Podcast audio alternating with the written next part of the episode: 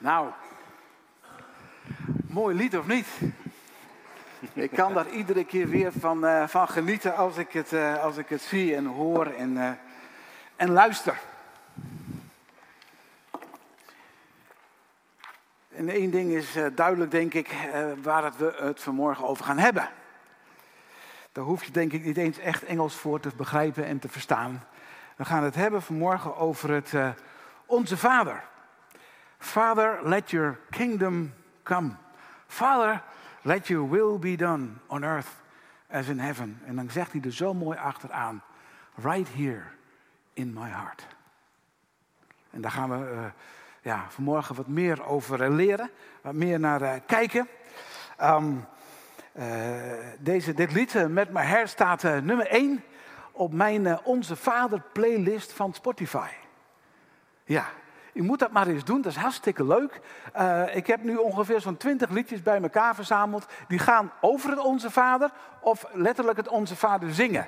Dus ik heb nu zo'n 65 minuten playlist Onze Vader. Dus uh, nou, als u eens een keer gaat wandelen en zo, dan zet ik hem op. En dan uh, heerlijk om daar dan, daarna te, te luisteren. Um, zoals velen van u wel weten, kom ik uit de katholieke kerk. En daar gingen we een paar keer per jaar gingen we daar ter biecht, zoals dat dan zo mooi heette. En, uh, en dan moest je in zo'n zo hockey en dan, en dan beleed je daar je zonde. Bij de priester. Die zat dan achter zo'n schermpje. En als je dan klaar was, dan kreeg je een, kreeg een opdracht mee. Net aan de hand van wat je beleden had, kreeg je dan een soort opdracht. Uh, ik kan me nog goed herinneren dat ik eens een keer de volgende opdracht kreeg. Bid twee weesige groetjes, twee onze vaders en wees in de komende tijd lief voor je zusjes. Ik was namelijk nogal een vervelende pestkop. En dat beleed ik dan ook maar, want ja, je moest toch wat zeggen daar. En, uh, en dat laatste, dat begreep ik dan ook wel, dat, dat, hè, dat hij dat zei. Maar die twee onze vaders, wat bad ik eigenlijk? Geen idee. Dat heeft hij me nooit uitgelegd. Maar ik moest het wel doen. En weet je, als je dat maar een paar jaar lang, jaar in, jaar uit doet, zo twee à drie keer, dan wordt zo'n gebed een ritueel leeg ding. Kent u dat? Nou, het Onze Vader werd dat wel voor mij. En ik moet u gewoon zeggen, en tot mijn eigen soort van schrik kwam ik ook wel tot de ontdekking dat ik daar nooit echt van hersteld ben. Terwijl ik toch heel wat boeken gelezen heb over Onze Vader, heel wat preken gehoord heb en zelf erover gepreekt heb. Dat ik toch uiteindelijk, en, toen ik een paar weken geleden weer de opdracht, een paar maanden geleden weer de opdracht kreeg om over Onze Vader te gaan spreken. Toen dacht ik, ja, goh, wat moet ik er eigenlijk mee? Wat moet ik nou met dat gebed dat Jezus ons zelf geleerd heeft? Ik had een beetje de neiging om de opdracht terug te geven, doe het zelf maar. Maar ja, goed, die uitdaging wil je dan toch wel aanpakken en oppakken. En toen bracht de Heer, en dat geloof ik echt, uh, gaf hij een boekje, kwam hij met een boekje, werd op mijn, op mijn weg gebracht, zou ik maar zeggen. En dat, en dat heette, en dat heette The Lord and His Prayer van Tom Wright. Klein ding. Je hebt het zo uit. En dat heeft mijn kijk op het Onze Vader vernieuwd en verdiept. En daar wil ik u eigenlijk vanmorgen een beetje in meenemen. En het begon allemaal met een vraag die hij stelde. En die had ik mijzelf nog nooit gesteld. Was ook nog nooit in me opgekomen. Hij stelde de vraag en hij zegt: Wat betekende het nou voor Jezus en voor de discipelen en voor het volk om te zeggen: Onze Vader? Heeft u daar wel eens op die manier bij nagestaan, bij stilgestaan? Ik had er eigenlijk nooit bij stilgestaan. Wat betekende dat nou bij Jezus? Wat voor een beeld riep dat nou bij hen op? En vervolgens zegt Jezus dan ook nog tegen ons: bid als volgt. Dus, dus hij, hij geeft ons ook de opdracht om te bidden. En om dat gebed te bidden. Nou, is belangrijk om het volgende even goed te onthouden. Het Onze Vader is het middelpunt van de bergreden. Letterlijk. Ik, heb, ik, zag ergens een indeling en dan ging vijf was onze vader bidden. Nou, we hebben daar afgelopen jaar uitgebreid bij stilgestaan in de prekenserie Leven in het Koninkrijk van God. En het Onze Vader is het middelpunt. Maar waar gaat, het, waar gaat de bergrede over? Weten we dat nog? De bergrede gaat, het thema van de bergrede is Koninkrijk van God. Daar gaat het over.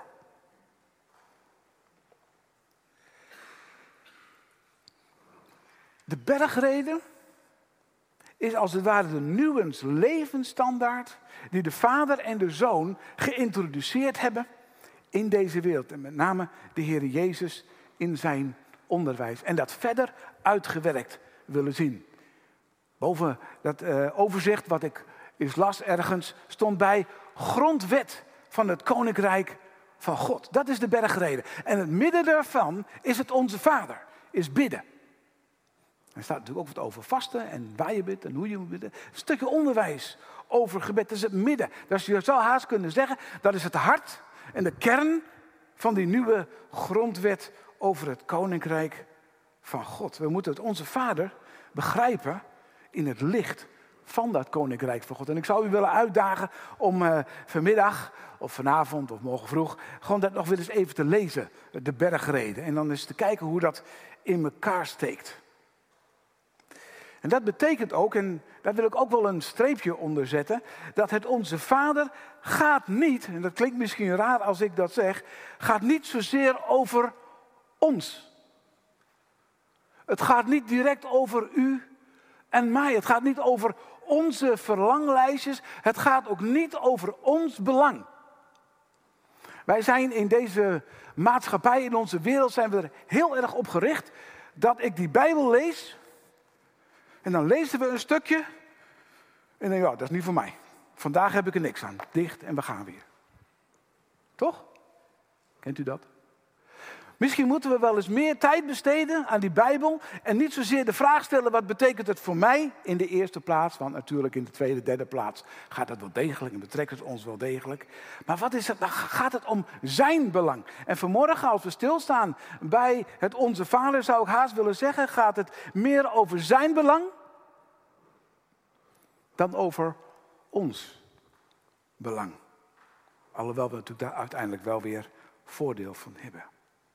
Het gaat over het grote project, zo wil ik het vanmorgen graag noemen, van de Vader en de Zoon. En dat grote project is de komst van het Koninkrijk van God. En Jezus vraagt ons, bid.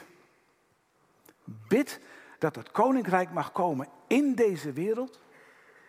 En dat Zijn wil op aarde zal zijn zoals in de hemel. En weet u, dat grote project van de Vader en de Zoon vindt de aftrap met kerst. En dat hebben we net eigenlijk gehad, hè? Ik ga vanmorgen toch maar weer even met u terug naar een stukje uit Jesaja hoofdstuk 9. En daar beginnen we vanmorgen. Daar begin ik vanmorgen te lezen. Het volk, vers 1, vanaf vers 1. Het volk dat in donkerheid wandelt, ziet een groot licht. Over hen die wonen in een land van diepe duisternis straalt een licht.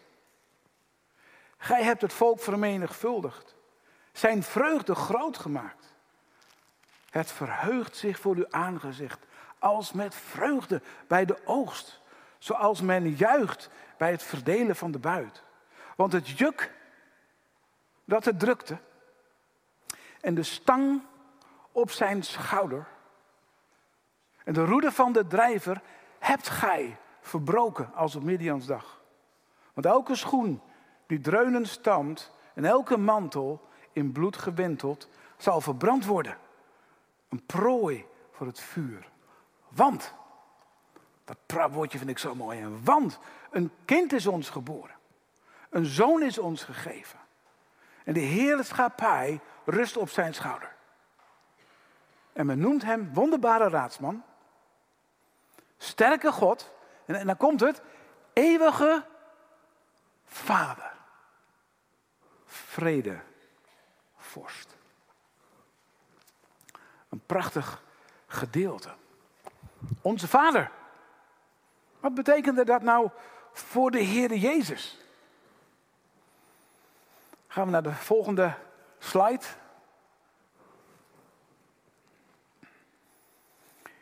Wat betekende dat nou voor hem? Jezus spreekt dat uit, onze Vader. En neemt daarmee zijn discipelen eigenlijk direct mee terug in de tijd naar het hart. Tenminste, ja, ik weet niet of je dat zo precies mag noemen, maar toch wel een groot deel van het hart van de Joodse geloofsbeleving, de Exodus. De allereerste keer dat er een verwijzing is van God als vader, vinden we in Exodus 4, vers 22. Waar God spreekt met Mozes. U weet het wel, God spreekt met Mozes vanuit de braamstruik. Uh, na 40 jaar bij Jethro in Midian geweest te zijn, gaat hij terug naar Egypte en dan verschijnt hij voor Farao. En dan moet hij met Farao in gesprek. En vers 22 zegt dan, dan moet u tegen Farao zeggen, zo zegt de Heer, mijn zoon, mijn eerstgeborene is Israël. Fantastisch. Het is de eerste keer in de Bijbel dat die relatie tussen volk en God er een is van vader en zoon. En daarmee, als je dan kijkt naar die eerste woorden van het uh, Onze Vader, bepaalt Jezus ons bij de context. En dat is de eerste Exodus en dat is de context. En daar horen woorden bij als vrijheid, verlossing, bevrijding. Als Jezus dus zegt, onze Vader, en de discipelen horen dat, dan is het heel goed mogelijk en meest waarschijnlijk dat ze denken aan dit soort woorden. Vrijheid, verlossing, bevrijding. Dat is een eerste stem. Dat is een eerste geluid uit het Oude Testament. De eerste kennismaking van het volk met Vader als God. Er is een tweede. Die tweede, en dat is ook wel een belangrijke stem, is het uit het Oude Testament, is de belofte van de komende Messias, van de Verlosser. God zegt tegen David over Salomo in eerste instantie, maar daaroverheen gaat het natuurlijk over koning Jezus, zegt hij het volgende. 2 Samuel 7, vers 14 en 16. Ik zal een vader voor hem zijn en hij voor mij een zoon. Jou stel ik in het vooruitzicht, David, dat je koningshuis eeuwig zal voortbestaan en je troon nooit zal wankelen. Kijk, dat laatste, we weten, koning Salomo zit nu niet meer op de troon, dus dat is ooit voorbij gegaan.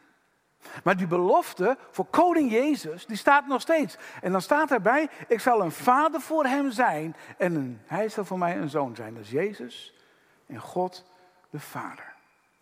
Jezus verbindt Vader met de belofte van koning der koningen. Jezus, de Messias, de Verlosser. En hier in Matthäus hoofdstuk 6, in de bergreden, is het onze Vader. En verbindt Jezus deze twee stemmen als het ware met elkaar. Hij zegt als het ware, dit is jullie gebed. Dat jullie moeten bidden. Jullie zijn het vrijheidsvolk. Jullie zijn het Messiaanse volk. Ik ben de Messias. En breng mijn boodschap, als het ware, de wereld in. En in die zin, en we zijn daar naartoe op weg, is het onze Vader een inleiding tot die nieuwe Exodus. De tweede Exodus. Die nieuwe, totale verlossing van het kwaad die Jezus zelf zal inleiden door zijn lijden en sterven. We zitten, en het is al gezegd, midden in de lijdenstijd. En dat is een andere gewoonte die ik heb vanuit mijn katholieke periode. 40 dagen. En daarin doe ik altijd iets bijzonders. In vasten en in gebed en in een speciale leest, leeslijst met toeleven naar Pasen.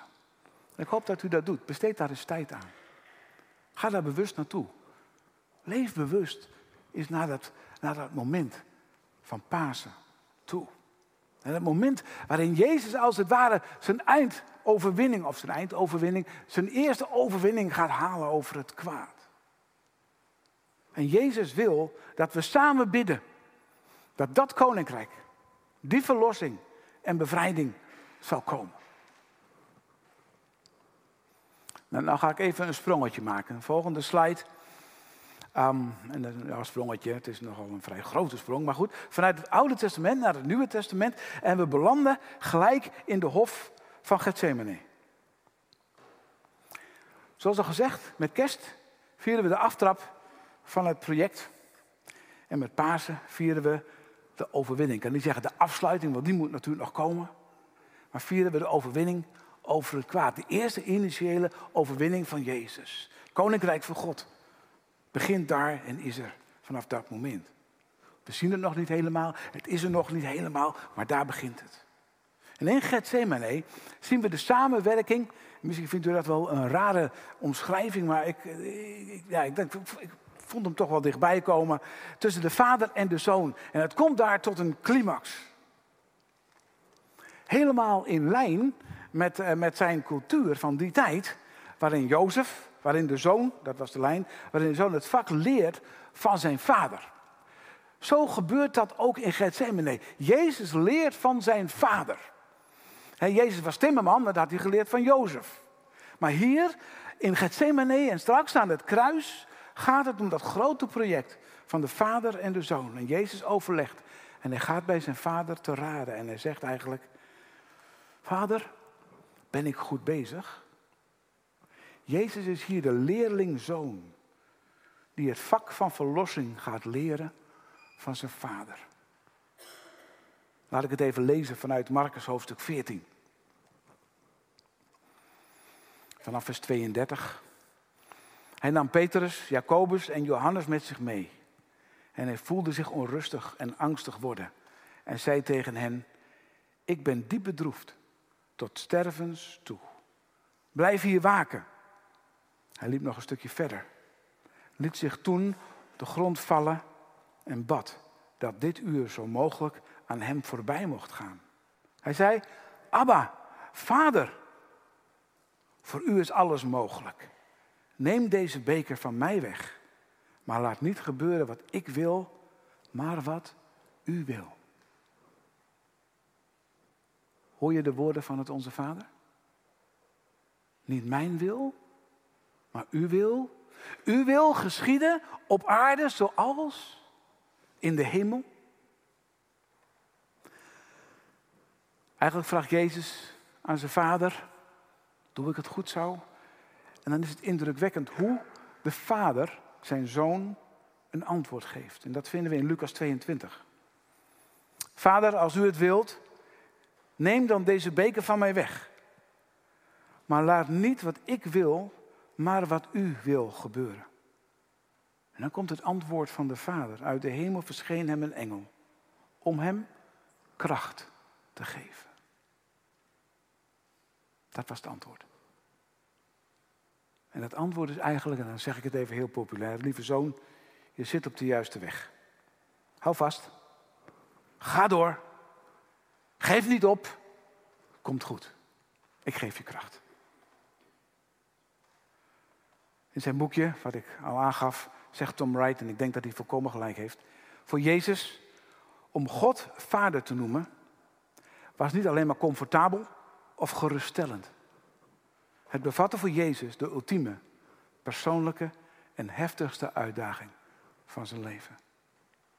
Jezus leerde wat het was om God Vader te noemen. En dat werd compleet aan het kruis, toen hij zijn geest overgaf aan de Vader. Zo indrukwekkend. Onze Vader, die in de hemel is. Hebreeën zegt het iets anders. Hij leerde gehoorzaamheid door lijden heen. Jezus begreep heel goed wat het was om God vader te noemen. Nou kom ik uit bij de tweede vraag. Weten wij wat het is om God vader te noemen? In de zin van het onze vader, moet ik toch eerlijk zeggen dat ik dat al heel lang niet echt goed begrepen heb. Dat die waarheid niet heel erg tot mij doordrong. Het bidden van het Onze Vader, of eigenlijk in het bidden van het Onze Vader zou ik willen zeggen, geeft Jezus ons een actieve rol in het project. In dat grote project van de Vader en de Zoon. Wij gaan, als we het bidden, en misschien begint u wel een beetje terug te krabbelen. En, en zegt u, ja, maar ik weet niet of ik dit wel durf te bidden. Want het is nogal wat als ik kijk naar de Heer Jezus. Maar in, in het bidden van het Onze Vader gaan we deel uitmaken van dat grote project. Waarin we, waarin we het Koninkrijk van God gaan verkondigen. Waarin we gaan bidden en waarin we het gaan laten zien. Door wie we zijn. En door wat we doen. Want wij zijn degene die de woorden van de Heer Jezus moeten gaan vertalen naar de mensen om ons heen.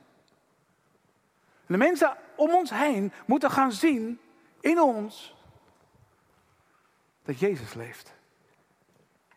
En dat het koninkrijk van God eraan zit te komen.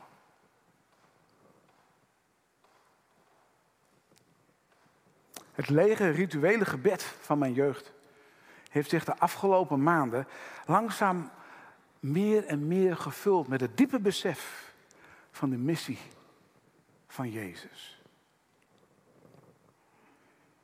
Als we het onze Vader bidden, volgende slide, vragen we eigenlijk heel stilletjes weg misschien. Misschien durf je het nauwelijks uit te spreken, maar dat je zelf wilt zijn als een leerlingzoon in dienst van de Vader, net als Jezus. Onze broer. Prachtig eigenlijk, hè? Onze, Jezus zegt onze Vader. Dat betekent dat Hij onze broer is, hè? Onze vriend, zoals we gezongen hebben. Het betekent dat jij en dat ik volmondig aansluit bij het Koninkrijk van God. Onze Vader bidden betekent dat jij jouw leven stelt in dienst van Koning Jezus. Amen. Dat is heel wat anders dan een bepaalde periode in mijn leven, waarin er een soort ja, uh, wind waaide, theologisch, uh, in de prekerij, waarin, waarin dan tegen mij gezegd wordt, je moet bij papa op schoot gaan zitten. En ik moet u heel eerlijk zeggen, die intimiteit met de Heer Jezus en met de Vader, dat ken ik. Maar ik kreeg dat maar niet voor elkaar om bij God de Vader of papa of wie dan ook op schoot te gaan zitten. Dat lukte mij niet. En zeker niet als je kijkt naar het Onze Vader, want daar gaat het even niet over. Trouwens, ik kwam er ook achter dat Jezus maar één keer Abba Vader gezegd heeft in, het hele, in al zijn evangelie. Wist u dat? Ik dacht altijd, dat is, dat is, dat is, dat is, dat is de werkelijkste schering en inslag. Het is maar één keer, en dat hebben net gelezen. Het is meer dan even hallo papa zeggen. Het is strijden in de dienst van de koning. Ik ga het nog een keer zeggen. Het is meer dan alleen even hallo papa zeggen. Het is strijden in de dienst van de koning. Ben bereid bent, betekent dat je bereid bent om zijn wil te doen.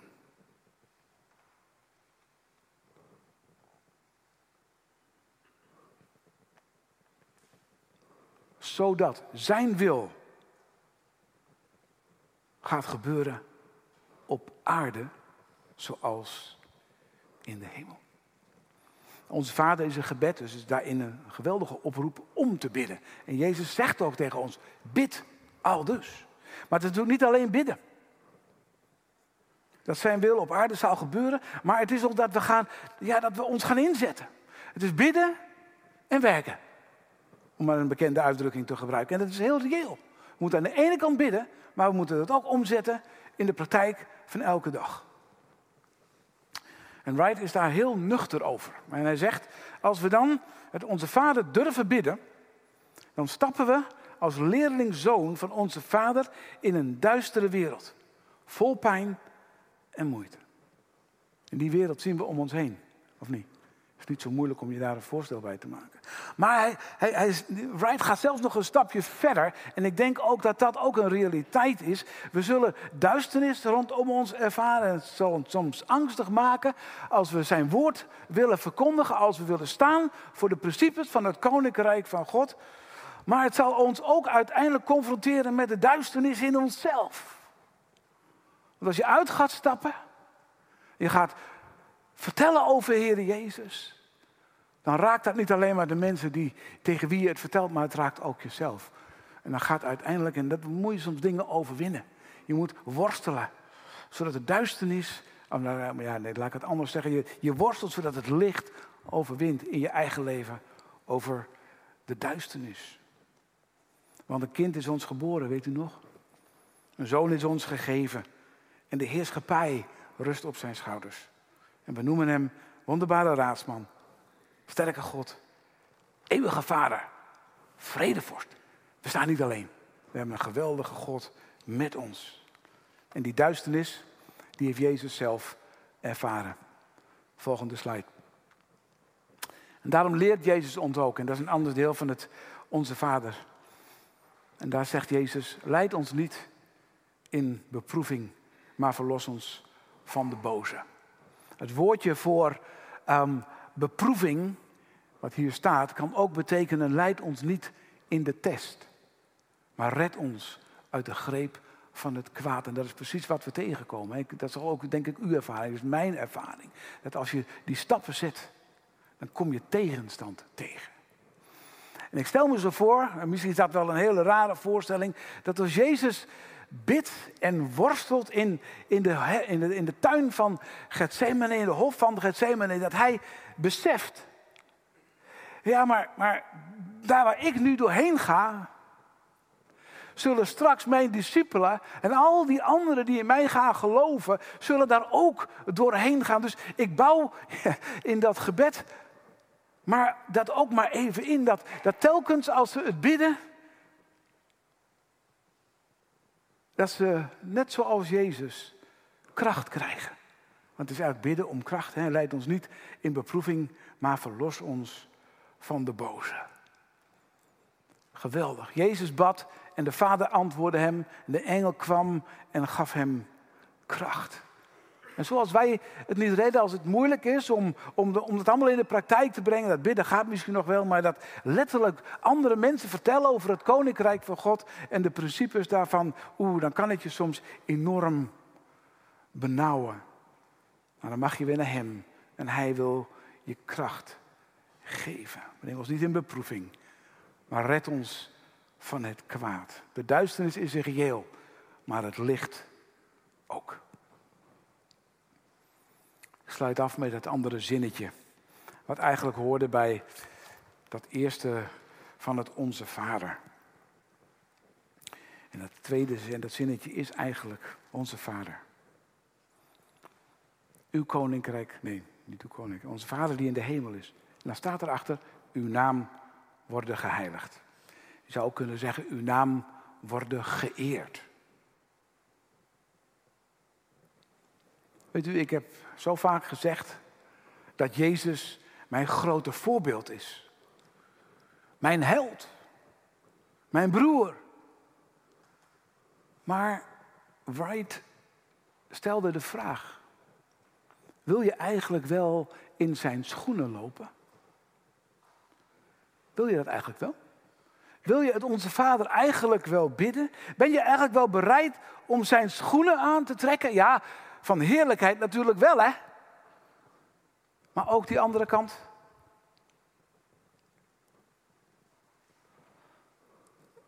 Mezelf die vraag stellen, zei ik nee.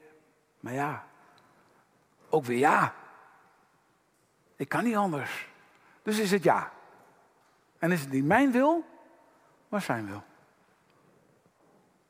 Volgende slide.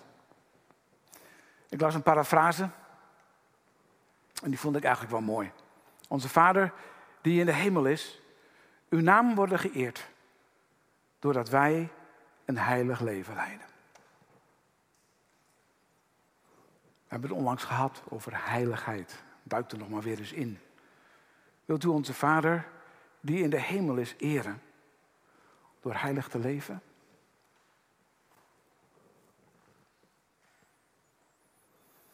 Zodat zijn wil gedaan wordt op aarde, zoals in de hemel. Vader, laat uw koninkrijk komen. Vader, laat uw wil geschieden. op aarde zoals in de hemel. Hier in mijn hart. Laatste slide. Ik wil u even alleen laten met het eh, Onze Vader. Hebben een moment van bezinning en dan zal ik dat afsluiten met gebed. En u mag zelf weten wat u doet, u mag bidden, u mag lezen, even denken.